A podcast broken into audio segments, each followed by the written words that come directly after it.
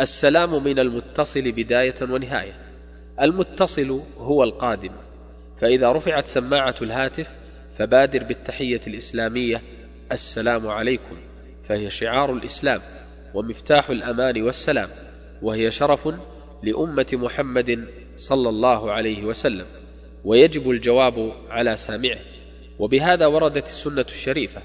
فعن ربعي رضي الله عنه قال أخبرنا رجل من بني عامر أنه استأذن على النبي صلى الله عليه وسلم وهو في بيت فقال أألج؟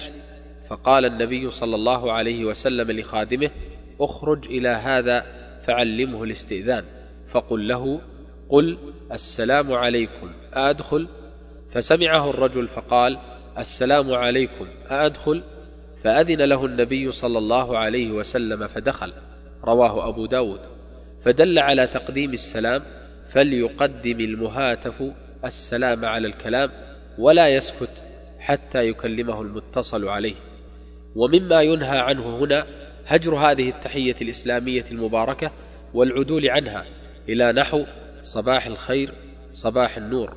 ومما ينهى عنه هنا المبادرة من المتهاتفين بلفظ ألو. ولو أفتاك الناس وأفتوك. فهي لفظة مولدة فرنسية المولد يأباها اللسان العربي إذ تقلص ظلها. وقد وفقت الاتصالات السعودية بمبادرة استعلامات دليل الهاتف بقولهم السلام عليكم. فحصل في هذا نشر عظيم لهذا الأدب الإسلامي الكريم. كما وفق بها عدد من المسلمين الذين يسجلون في هواتفهم رسائل لمن يهاتفهم.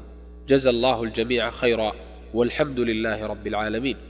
ومما ينهى عنه هنا سكوت المتصل إذا رفعت السماعة حتى يتكلم المتصل عليه وهذا فيه إخلال بالأدب من عدة جهات لا تخفى.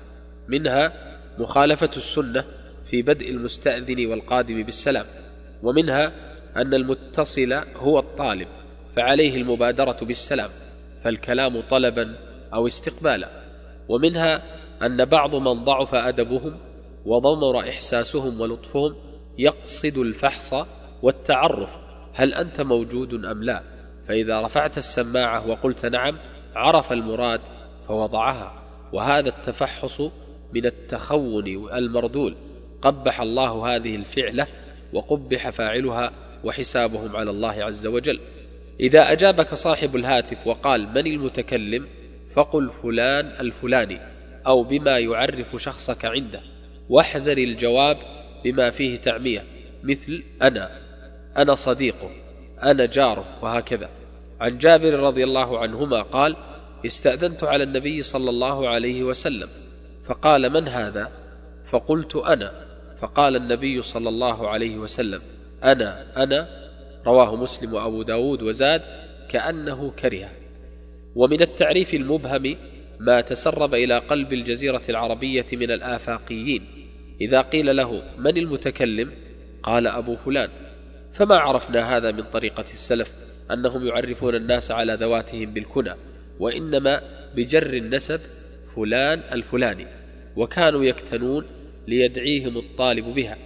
هذا ما لم يشتهر الشخص بالكنية حتى قامت مقام الاسم ومنها في الصحابة رضي الله عنهم أبو بكر أبو ذر أم هانئ رضي الله عنهم واحذر أن تقع في طبع من يحجم عن الإخبار باسمه إذا لم يجد الشخص المراد ففي هذا نقص في الأدب واستصغار للآخرين وإشغال لبال أهل الدار.